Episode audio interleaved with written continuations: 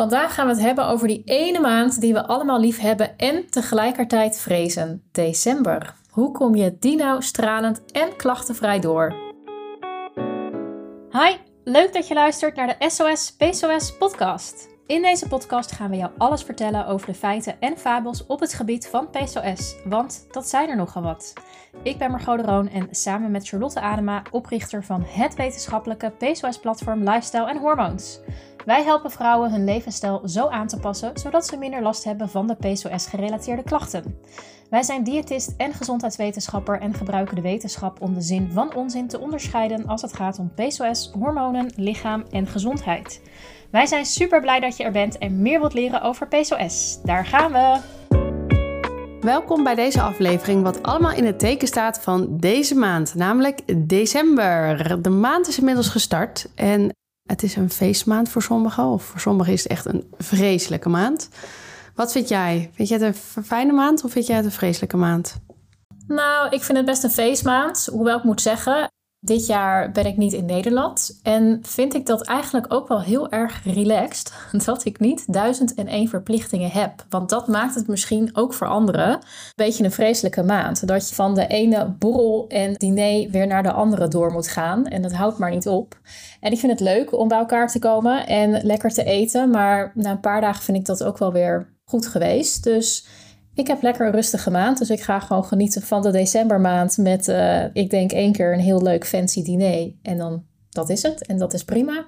Ja, bij jou, uh, bij jou zal het helemaal feestmaand gaan worden. Nou, feestmaand, dat weet ik nog zo net niet. Ik bedoel, uiteindelijk uh, is dat natuurlijk mijn bevalmaand. Dus um, het is denk ik voor mij ook een beetje het moment om, om tot rust te komen en me langzaamaan voor te bereiden op mijn o zo gevreesde bevalling. Nee, grapje.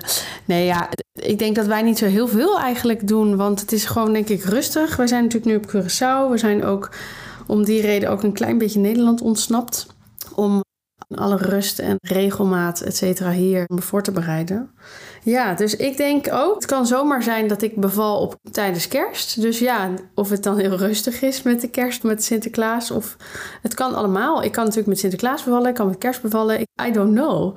Dus decembermaand is denk ik voor mij de meest onrustige maand die ik tot nu toe ooit in een decembermaand heb gehad. Omdat ik gewoon letterlijk niet weet wat me te wachten staat. Uh, op welke datum letterlijk. Wordt een hele speciale maand voor jou. Ja. Ja, normaliter is voor mensen december natuurlijk een maand vol gezelligheid en feestjes en lekker eten. Maar waarom lijkt het alsof we dan allemaal onze gezonde gewoontes compleet overboord gooien deze maand? Ja, dat is denk ik een goede vraag. Het lijkt er een beetje op alsof de feestdagen een soort magische ja, deken trekt van verleiding over ons heen. En we worden eigenlijk verleid door allerlei geuren en versgebakken pepernoten en speculaas natuurlijk in supermarkten. Maar ook uh, een soort kerstmarktjes. En uh, overal is gezelligheid. En als je naar de stad gaat, dan is er misschien glühwein of champagne beschikbaar. Er zijn wellicht allerlei borrels van werk en dat soort dingen. Dus er is ook heel veel gezelschap van vrienden en familie misschien om je heen. En feest of überhaupt samenkomen met vrienden of familie, dat staat vaak toch wel gelijk aan eten. En eten en drinken verbindt ons gewoon. Dus dat maakt ook gewoon dat je, ja, je gaat veel minder snel bij iemand op de koffie en neemt een zak wortels mee. Maar je gaat wel bij iemand op de koffie en neemt kerstkrans mee of chocolade, chocoladepepernoot of wat dan ook. Dus ja, het is denk ik toch ook wel een maand met heel veel van dat soort verleidingen om die reden. Ja, dus voordat je het weet zit je einde van de maand met je zoveelste bord vol heerlijk eten. En denk je nou, morgen begin ik wel met gezond eten. Ja, ik denk dat dit super herkenbaar is voor veel mensen. De vraag is denk ik dan ook, ja, waarom is het dan ook zo lastig om die verleiding te weerstaan? En laten we eens kijken naar wat de wetenschap hier eigenlijk ja, ons over vertelt. Want er zijn gewoon tal van onderzoeken die laten zien dat het brein reageert op beloning. En het eten van ongezond voedsel triggert dus ook een deel van dat beloningsbrein. Dus dat geeft ook een soort directe beloningsreactie. Dus als we genieten van dat stuk chocola, dan komt er dus een stroom aan dopamine vrij in ons brein. En dat zou dus eventueel deels kunnen verklaren waarom we onszelf niet kunnen beheersen als het gaat dus om die kersttractaties. Andere is natuurlijk ook dat we dingen zien. Dus als dingen beschikbaar zijn, ja, dan worden we natuurlijk ook veel en veel meer daardoor getriggerd. Daarnaast kennen we natuurlijk sociale aangelegenheden. Dus wanneer je samen met anderen eet, eet je meestal meer dan wanneer je alleen zou hebben gegeten. En de aanwezigheid van anderen tijdens het eten kan ook nog leiden tot ongeveer een stijging van 44 tot 76 procent in de hoeveelheid die je eet. Dus hoe meer mensen er aan tafel zitten, hoe meer je over het algemeen gaat eten. En dat komt ook omdat je dooreet totdat de laatste persoon klaar is met eten. Dus dat betekent ook dat in sommige gevallen je dus gewoon een dubbele hoeveelheid misschien zelfs wel kan eten. Nou, daarnaast uh, noemen we dat ook met een beetje een duur woord modeling. En dat is dat eigenlijk jij geneigd bent om hetzelfde te eten uh, dan wat iemand anders doet. Dus stel jij omgeeft je in een omgeving waarin men heel erg gezond eet, dan is de kans heel groot dat jij ook gezond gaat eten. Als jij leeft in een omgeving waar men veel meer ongezond eet, ja, dan is de kans heel erg groot dat jij dus ook al die snacks en snoepigheid en dat soort dingen tot je gaat nemen. Dus wordt ook heel erg beïnvloed door wat je anderen ziet eten. Nou, daarnaast leven we inmiddels in een, ja, noemen we een obesogene omgeving. Omgeving die eigenlijk in de afgelopen tientallen jaren ongeveer hè, op zo'n manier is veranderd en ingericht dat het eigenlijk steeds makkelijker is geworden om te kiezen voor een overmatige consumptie van ongezond voedsel. Dus denk maar aan het treinstation, waar eigenlijk alleen maar fastfoodketens beschikbaar zijn. En ik weet dat hoogleraar uh, Jaap Seidel, we hebben les gehad van hem op de universiteit. Die zei wel eens, ja, weet je, Amsterdam Centraal is eigenlijk één grote fastfoodketen waar af en toe nog eens een keer een trein doorheen rijdt. En dat is denk ik ook wat het zo lastig maakt. Er is gewoon overal ongezond voedsel beschikbaar. En een banaan in de Albert Heijn to go kost volgens mij tegenwoordig een euro of een euro 50. Terwijl een snicker dat ook kost. Ja, die snicker die is veel verleidelijker natuurlijk als je aan het eind van de dag honger hebt dan die banaan. Terwijl we weten dat die banaan eigenlijk veel gezonder voor je is. Dus we zijn ook geneigd veel meer ongezonde keuzes te maken op basis van het aanbod wat we zien. En het is dus ook heel erg belangrijk om te kijken naar je eigen huis. Dus wat zie je aan eten? En elke dag maken we ontzettend veel eetkeuzes. Ik heb ooit een keer gelezen dat we dus ongeveer 192 eetkeuzes maken per dag. En die eetkeuzes die zijn bewust en onbewust. Dus dat kan ook zijn, hm, neem ik dan nog een handje pepernoten of zal ik dat niet doen? Dat valt dus ook onder zo'n eetkeuze maken. En geuren, reclame, aanbiedingen of zo'n mooie koektrommel die mensen op tafel laten staan als zeker eentje waar je doorheen kunt kijken. Nou, ik vind het echt super knap dat mensen dat op tafel kunnen staan en dan elke dag één koekje daaruit kunnen halen. Want ik zou die hele koektrommel hebben leeggegeten. En ik weet nog wel, mijn moeder die hing vroeger altijd van die kerstkrantjes in de kerstboom. Ik weet niet, deed dat bij jou? Deed jouw moeder dat ook? Geen chocoladekerstkrantjes. Nee.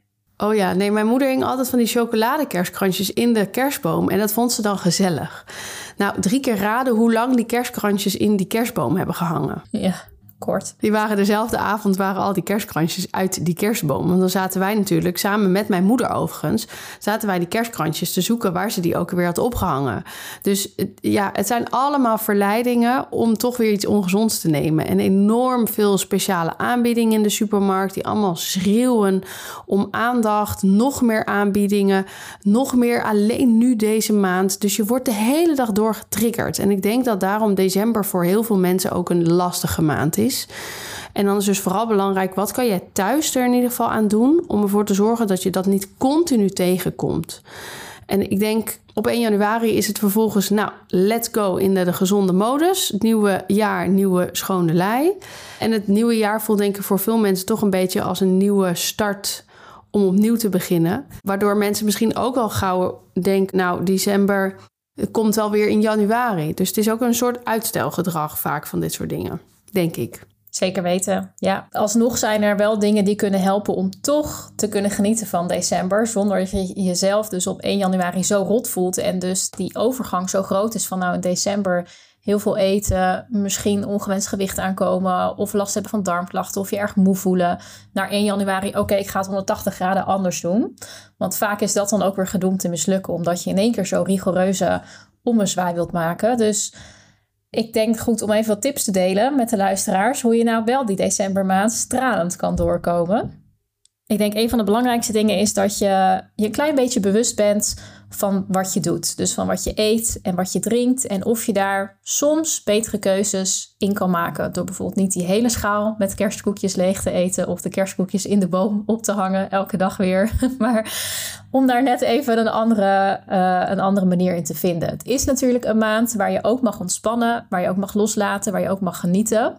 Dus je mag zeker weten genieten van wat minder gezonds. Maar je kunt natuurlijk met jezelf wel nog steeds wat dingen afspreken. Maar belangrijk is dat je daar realistisch in bent. Dus wil je gaan genieten in december en niet zo heel veel rekening houden met wat je eet, dan is het natuurlijk ook niet realistisch te verwachten dat je je topfit voelt aan het einde van de maand. Of dat je misschien zelfs afvalt als dat een wens van je is. Hetzelfde geldt ook voor vakantie. Dan verwachten vrouwen vaak ook dat ze tijdens vakantie nog 100% perfecte keuzes maken en wellicht wat afvallen als dat een wens is. Maar de vraag is hoe realistisch is dat? Een betere verwachting is om voor stabiliteit te gaan. Dus bijvoorbeeld een lekkere vrije week te hebben rondom kerst. Een aantal dagen bijzonder te eten. En bijzonder betekent niet, of hoeft niet extreem veel te betekenen. Dan hoeft het je gezondheid ook niet in de weg te zitten. Maar dan is het dus wel belangrijk om bewust na te denken hoe je het in deze maand met je voeding en je beweging wilt gaan doen. Dus je zal wat keuzes moeten maken. Dat betekent dat je niet op alles nee hoeft te zeggen. Maar voordat je ja zegt op weer een stukje kerstsol of weer een zak pepernoten of weer een viergangen diner met een wijnarrangement. Daar dus even over nadenken. Wat wil ik wel en niet doen? Ja, wij waren normaal elke kerst in Stuttgart, want mijn man komt natuurlijk uit Duitsland. En ik voelde mij zo beroerd elke kerst weer. In Duitsland vier je echt uh, kerstavond. En kerstavond is heel groot in Duitsland. Dus dat is ook eigenlijk het moment van alle cadeaus, alle lekkernijen, et cetera. Maar wij kwamen daar vaak al aan op 22 december. Daar had Alexander zijn oma had al koekjes gebakken. En het was de hele dag koegen en cake. Nou, ik weet nog wel echt dat ik dan op eerste kerstdag, want dan had ik dus al 22, 23, 24 december, hadden we dan dus al drie gangen elke avond, elke dag koekjes. En op de 25ste was ik gewoon niet meer vooruit te branden. Ik was ook vaak strontzagrijnig op de 25ste. Ik voelde me moe, uitgeput. En ik weet op een gegeven moment dat ik dacht: ja, maar wat ben ik nou aan het doen? Ik heb elk jaar voel ik me weer ellendig met de kerst. En toen op een gegeven moment heb ik tegen Alexander gezegd, dat is mijn man, van ja, ik, ik kap hiermee. Ik wil dit gewoon niet meer. Want wij moeten hier echt mee stoppen met z'n allen. Want ik heb geen fijne kerst op deze manier. En mijn lontje wordt zo kort van alle snoepigheid. Dat ik ook slechter van slaap. Ik word er sloom van, dus bewegen deed ik ook niet meer. Dus het was eigenlijk de hele dag zitten rondom die tafel en eten. Toen dacht ik, ja, nee, maar dit is ook dus weer zo'n bewuste keuze geweest. Dus op een gegeven moment heb ik gezegd, nee, ik stap af van al de kerstochtenden. En dat duurt dus, dat duurt ongeveer een week dus in Duitsland. Alle kerstochtenden van die witte pretzelbroodjes eet en dat soort dingen. Ik zei nee, geef mij maar gewoon yoghurt met muesli of havermout met fruit en dat soort dingen. En ik, ik dacht nee, ik ga dat gewoon voortzetten wat ik eigenlijk normaliter altijd doe. Maar dan kies ik er wel voor om de avondmaaltijden mee te doen. En ik denk dat zo'n op die manier een bewuste keuze maken er voor mij in ieder geval toe heeft geleid dat ik niet me elke keer ellendig voelde tijdens die kerst. Dus ik denk dat dus een heel goede is om van tevoren dus ook na te denken over wat wil ik nou eigenlijk tijdens zo'n kerstperiode. En hoe wil ik me voelen? Wat zijn de consequenties als ik het niet doe? En daar ook gewoon inderdaad afspraken met jezelf mee te maken. Want sinds ik dat dus niet meer doe, meedoe met al die snoepigheid en koekigheid en dergelijke, voel ik me dus niet meer ellendig tijdens de kerst. En eigenlijk dacht ik, ja, voor wie doe ik dit nu eigenlijk? Want hoe reageerde zijn familie daarop? Ja, nou, eigenlijk ging dit gewoon heel vloeiend. Ik heb op een gegeven moment gewoon gezegd: Oh, is het oké als ik uh, yoghurt klaarmaak met muesli? Het grappige is ook dat mijn gedrag, dus het feit dat ik zei van nou willen we, kunnen we anders yoghurt maken met muesli en lekker veel fruit. Het grappige is dat mijn gedrag, en ik denk dat dat ongeveer een jaar of vier, vijf geleden is geweest, dat ik dat toen heb gezegd van ja, maar ik wil dit niet meer. Dat heb ik met mijn man toen overlegd. Toen zei hij, je hebt eigenlijk ook gelijk, ik voel me eigenlijk ook nooit heel lekker. Dus elke keer als we dan naar huis vlogen op de 27e, dan dachten wij echt alle twee, Oké, alles de deur uit, want we voelen ons gewoon niet lekker. Het grappige is dat sinds we dat dus daar hebben geïntroduceerd, doet iedereen dat dus met kerst. Dus die witte broodjes, die zijn weg. Dus het grappige is dat blijkbaar. Dat is die modeling. En dan de andere kant op. Yes, het was gewoon echt dat iedereen op een gegeven moment dacht: ja, weet je, ik voel me ook inderdaad ellendig. We hebben op een gegeven moment heeft Alexander ook tegen zijn moeder gezegd van mam, die koekjes, is allemaal leuk, maar zet het niet op tafel, want ik blijf de hele dag door van eten. En toen op een gegeven moment had iedereen, ja, dat heb ik eigenlijk ook, dat heb ik eigenlijk ook. En niemand had zin om de hele dag door die koekjes te eten, maar ja, ze liggen daar, dus de verleiding is er. Ondertussen voel je je niet lekker daardoor. We hebben toen op een gegeven moment besloten dat we dat allemaal niet meer zouden doen. Nou, die kerstdagen waren een stuk gezelliger, want we hadden allemaal wat meer energie. We gingen meer naar buiten, we gingen meer dingen doen. Ik denk dat het hebben van kinderen daarin ook wel heeft geholpen. Want Alexander's zus heeft kinderen en wij hebben natuurlijk een dochter. Heeft daar ook in geholpen. Want als wij natuurlijk de hele dag koekjes zouden eten, dan kan je het bijna niet je kind van 4, 5 of 3 jaar ook verbieden. Dus het is denk ik ook een beetje het gedrag wat we hadden willen vertonen, ook naar onze kinderen toe. Maar dat was dus nog voordat ik zelf kinderen had, dat ik dacht: nee, dit moet echt anders. Dus ja, er wordt, werd goed op gereageerd, gelukkig. Dus dat is heel fijn. Fijn. Ja, dat, dat zie je dan ook. Soms dan zit je zo vast in bepaalde gewoonten van... oh, het is kerst, er moeten kerstkrantjes op tafel... en we moeten speciaal ontbijten en er is nu kerststol... en dat is alleen maar in december en dat hoort bij kerst... dus dat moeten we nu eten. Uh, en daar hoort ik glühwein bij. En ja, als je daarvan af durft te stappen... en eens te kijken, ja, maar waar voel ik me eigenlijk goed bij... en je op iets anders uitkomt... gaat de rest vanzelf mee. Ja, exact. En ik denk ook dat de allergrootste tip ook is: probeer dus niet ook de hele maand een feestmaand te laten zijn. Want alleen al dus zo'n week kerst zorgde er bij mij al voor dat ik eigenlijk met 27 december al dacht: we moeten nog tot aan, tot aan uh, oud en nieuw. En nu laat ik het dus letterlijk alleen maar bij dus die feestdagen. Dus alleen maar op 5 december, alleen maar die twee kerstdagen en alleen maar rondom oud en nieuw. Nou, dat zijn dan ongeveer zo'n vijf dagen.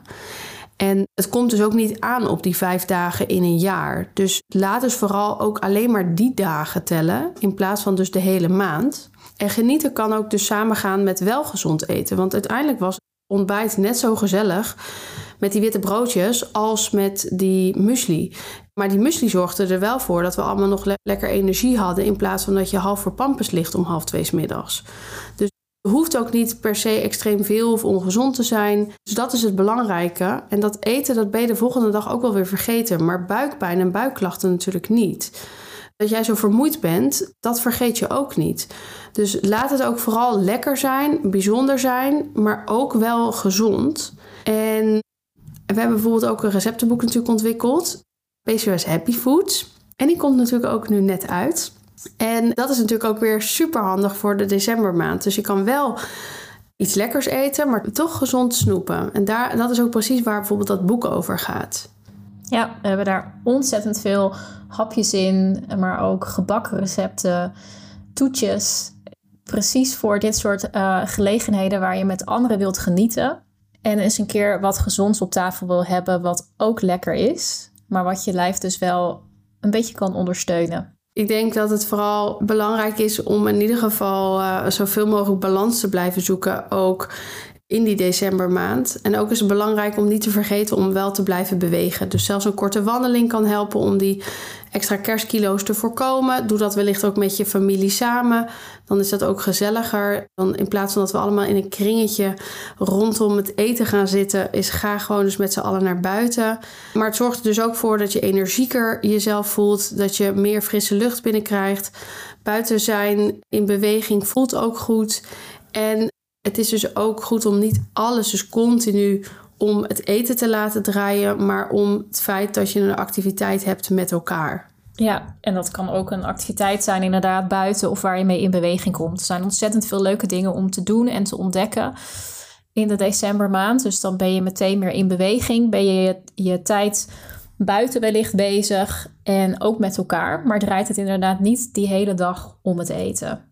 Wat ook nog een goede is, die ik wel eens als tip geef aan cliënten, is probeer vooral ook te focussen op het ook nog binnenkrijgen van gezonde voedingsmiddelen. Want vaak vervallen veel mensen in het idee van, nou weet je, het is toch al verpest, dus uh, het heeft allemaal geen zin meer. Ik ga nu niet ook nog cherry tomaatjes eten als ik net al een kerststol heb gegeten. Dan is het toch een verloren zaak. Maar dat is het niet probeer je lijf alsjeblieft ook nog wat goede voedingsstoffen te geven. Anders dan krijgt het helemaal geen goede voedingsstoffen binnen waar het wat aan kan hebben. Dus neem toch ook die volkoren boterham met misschien wat rauwkosten erop. Neem toch ook die schaal cherry tomaten. Neem ook groenten bij je diner, zodat je je lijf in ieder geval ook nog wat goede voedingsstoffen geeft. Ja, en dan hebben we de decembermaand. Maar hoe ga je nou na de feestdagen die gezonde gewoontes vasthouden? Want dat is natuurlijk het moment waarop iedereen opeens met goede gewoontes komt en met nieuwe voornemens. Maar er is een heel groot percentage wat die voornemens aan het einde van de maand al aan de kant heeft gezet, omdat het niet is gelukt het vol te houden. Ja, denk ik super herkenbaar voor veel mensen. Een van de belangrijkste dingen is: probeer niet in één keer je hele leven overhoop te gooien. Als wij vrouwen helpen, dan kijken we ook altijd naar wat is nou een realistisch doel die je voor jezelf stelt dat kan over van alles gaan. Dus als je het hebt over voeding, is het niet realistisch om van jezelf te verwachten dat je nooit meer zal snoepen of nooit meer een stukje chocola zal nemen. Natuurlijk is dat niet realistisch. Maar ook als het gaat om bewegen, als jij een hekel hebt aan de sportschool en nooit naar de sportschool gaat, dan kun je niet van jezelf verwachten dat je opeens vanaf 1 januari vijf dagen in de week een uur in de sportschool gaat staan voor een heel jaar. Ook als jij misschien zegt: Ik wil wat meer tijd voor mezelf besteden en meer ontspannen, en jij hebt nog nooit een boek gelezen, want je bent geen boekenpersoon, kun je ook niet van jezelf verwachten dat je elke week een boek gaat uitlezen. Dus het belangrijkste is, probeer niet in één keer je leven 180 graden te veranderen. Daar heb je misschien even de motivatie en wilskracht voor, maar wilskracht is uitputbaar. Ja, en dan zul je zien dat je alle goede gewoontes waarschijnlijk overboord gooit en weer terug bent bij af. Nou, nu zijn er natuurlijk ook heel veel mensen die dan meteen denken: oké, 1 januari ik ga weer supergoed aan mijn doelen werken. Ik ben misschien aangekomen. Dus gewicht afvallen is dan een, een doel geworden. Maar weet gewoon: gewicht afvallen is altijd een middel en nooit een doel. Want jij kijkt namelijk nooit meer terug op je leven met het idee dat je altijd te zwaar bent geweest. Maar waar je wel op terugkijkt is heb ik er alles uit kunnen halen wat mij gelukkig maakte. En natuurlijk kan gewicht wel degelijk een rol spelen. Als je bijvoorbeeld bang bent dat je niet in een vliegtuigstoel past, terwijl je wel wilt gaan reizen. Of als je bijvoorbeeld op een terras wil gaan zitten en bang bent dat je die stoel niet meer uitkomt. Natuurlijk speelt gewicht dan een rol. Maar doel is dus, ik wil op het terras zitten. Of mijn doel is, ik wil gaan reizen. En het middel is dan het gewicht verliezen. Maar zie dat dus nooit als iets op zichzelf staand. Ik wil 20 kilo afvallen, maar zie het als wat gaat het mij opleveren als ik die hoeveelheid kilo's bijvoorbeeld kwijt ben. Dit gaat dan alleen maar over gewicht, maar er zijn natuurlijk nog veel meer voorbeelden. Ja, en vooral belangrijk om dus dingen te doen die je leuk vindt. Vaak eh, als jouw wens is om wat gewicht kwijt te raken, kijk dan inderdaad naar het doel daarachter en wat het jou gaat opleveren. Dan maakt dat het ook meteen veel positiever dan als je alleen maar tegen jezelf zegt: Ik wil afvallen, ik wil gewicht kwijtraken en dan mag ik dus dit en dit en dit en dit niet meer doen. Dan hangt er een hele negatieve associatie aan en dan lijkt het alsof je alleen maar dingen moet gaan doen die niet leuk zijn. Terwijl eigenlijk aan je gezondheid werken hartstikke leuk en positief kan zijn. Maar dan moet je wel gaan nadenken over welke dingen wil je gaan doen die jij leuk vindt. Welke dingen wil jij gaan veranderen die jij jezelf ook ziet veranderen. Eet jij bijvoorbeeld eigenlijk hartstikke graag fruit? Kijk dan of je daar meer van kan gaan eten. Vind jij het hartstikke leuk om een nieuwe vorm van dansen uit te proberen? Misschien is dat dan iets voor je om te doen. Kijk dus iets waarvan jij denkt, nou, dit spreekt me aan. Dat gaat bij me passen. Dit is wat me energie geeft. Dit is wat me leuk lijkt. En ga daarop focussen en daarmee aan de slag. Ik vind daarom Dry January enerzijds ook wel een, een heel mooi iets. En tegelijkertijd is het ook wel iets wat heel negatief verwoord is. Het is namelijk, ik ga niet meer drinken. Dat is eigenlijk helemaal geen leuk doel. En daardoor zie je dus ook dat heel veel mensen Dry January ook niet afmaken. Maar als de alcohol je nu vaak moe maakt, kijk dan vooral naar wat je wil gaan doen op het moment dat je die energie wel hebt. Dus stel je bent iemand die graag kookt, maar omdat je bijvoorbeeld heel erg moe bent, kook je veel minder. Zie dan dus het drinken van minder alcohol als middel om energie over te kunnen houden, om dat te kunnen steken in iets wat je leuk vindt, bijvoorbeeld. En ik denk dat dat eigenlijk ook veel fijner is om er op die manier naar te kijken. In plaats van dat je dus continu jezelf vertelt wat je allemaal niet meer mag. Dus maak ook een doel altijd positief. En belangrijk om ook je omgeving er een beetje bij te betrekken. Of in ieder geval op de hoogte te brengen en er niet te geheimzinnig over te willen doen. Dat komen nog wel eens tegen. Dat je eigenlijk niet durft uit te spreken dat je graag aan je leefstijl wil werken. En dan doe je het een beetje stiekem, maar dan wordt het ook heel ingewikkeld voor jezelf. En dan heb je ook niet de omgeving die jou kan supporten. Dus heb je een gezinssituatie of werk je wellicht met collega's en, is daar, uh, en eet je daar gezamenlijk, dan kan het zeker helpen om te vertellen wat je graag wil doen en waarom je dat graag wil doen. Dus wat gaat het jou opleveren? Voel je bijvoorbeeld nu enorm vermoeid? Heb je enorme sugar dips? Heb je darmklachten? Heb je hoofdpijn? En wil je lekkerder in je vel voelen? Dat is een super mooi doel. En bespreek dat dan ook met je naasten, zodat zij begrijpen waarom je bepaalde keuzes maakt, maar je ook kunnen supporten. Ja, je doel moet dus gewoon vooral helder geformuleerd zijn. Dus als jij zegt ik ga meer bewegen en vervolgens niet helder hebt wat dat dan betekent, dus wat betekent meer bewegen, ja, dan gaat dat vaak ook niet succesvol zijn. Dus denk over dit soort dingen na, ook gedurende deze decembermaand, maar ook weer de periode erna. Wat zou ik graag willen bereiken of wat zou ik graag willen behouden, bijvoorbeeld in deze maanden? Ja, kortom, je ziet dus ook dat er alleen al achter het formuleren van een doel dus wel eigenlijk een strategie zich bevindt.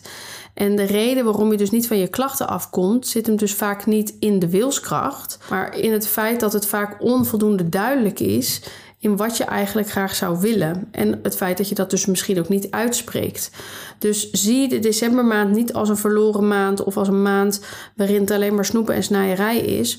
Maar kijk vooral naar wat kan ik doen om december ook fysiek actief en lekker in je vel door te kunnen komen. Zodat je januari niet helemaal met een schone lei zou moeten gaan beginnen. Ja, eigenlijk kun je elke maand weer opnieuw voornemens vaststellen of misschien nieuwe doelen waar je aan wilt werken. Want dat kan ook continu wijzigen. Misschien zijn er bepaalde dingen waar je al tevreden over bent en merk je dat het op bepaalde vlakken nog niet zo lekker gaat of je nog niet zo lekker je vel voelt. Dan kun je kijken waar je die maand weer op wil gaan focussen. Dus dat kan ook in de decembermaand, dat kan ook in januari, maar ook in februari en de rest van het jaar. Het is eigenlijk altijd een goed moment om naar jezelf te kijken en wat je kan doen met je voeding en je leefstijl om je beter in je vel te voelen. En een van de belangrijkste dingen om het dus succesvol te laten zijn, is het goed voor ogen hebben en eigenlijk zelfs opschrijven wat je wilt gaan bereiken en hoe je dat kan gaan doen. We hebben nu al een paar punten eruit besproken, maar we hebben een online academy waar je toegang toe kan krijgen, wat helemaal vol staat met video's over PCOS en voeding. Maar we hebben daar een hele module aan besteed, zodat jij dus jouw intenties goed kan gaan neerzetten, zodat je ook echt aan de slag kan gaan doelgericht, maar ook dat jouw voornemens die je voor 2024 hebt, wel gaan slagen. We hebben al heel veel dames gehad die de Academy hebben gevolgd. En aan de hand van een succesboek hebben zij super mooie intenties opgeschreven. En degenen die dit jaar zijn gestart, een hele hoop hebben daarvan hun intenties en doelen ook al behaald. En gaan er ook gewoon in 2024 mee door. Dus super fijn om dat te lezen en terug te horen. En dat kan jij dus ook bereiken. Mocht je aan je PCOS-klachten willen werken en wil je begeleiding in hoe je dat kan gaan doen, kijk dan vooral eens op onze website naar de Online Academy. Je behoudt negen maanden toegang, dus je kan dan in december al eens gaan nadenken over jouw doelen en intenties voor volgend jaar. Die kan je alvast uitschrijven en dan kan je in januari lekker een vliegende start maken met het werken aan je leefstijl. Yes, zodat jij lekker fysiek fit en actief 2024 weer ingaat. Ja, daar gaan we voor lekker 2023 uit en nog beter 2024 in. Dat gaan we zeker doen. Bedankt voor het luisteren weer naar deze podcast. En mocht je nog vragen of opmerkingen hebben of zijn er dingen die je graag wil weten, volg ons dan via Instagram. Doei! Heb jij genoten van deze podcast en wil je graag meer weten? Ga dan naar onze website www.lifestylehormones.com of volg ons Instagram-account Lifestyle Hormones voor meer tips en informatie over onze diensten en producten. De informatie in deze podcast is informatief van aard en op geen enkele manier medisch advies of vervanging van medisch advies. Neem bij twijfels en klachten altijd contact op met een medisch professional.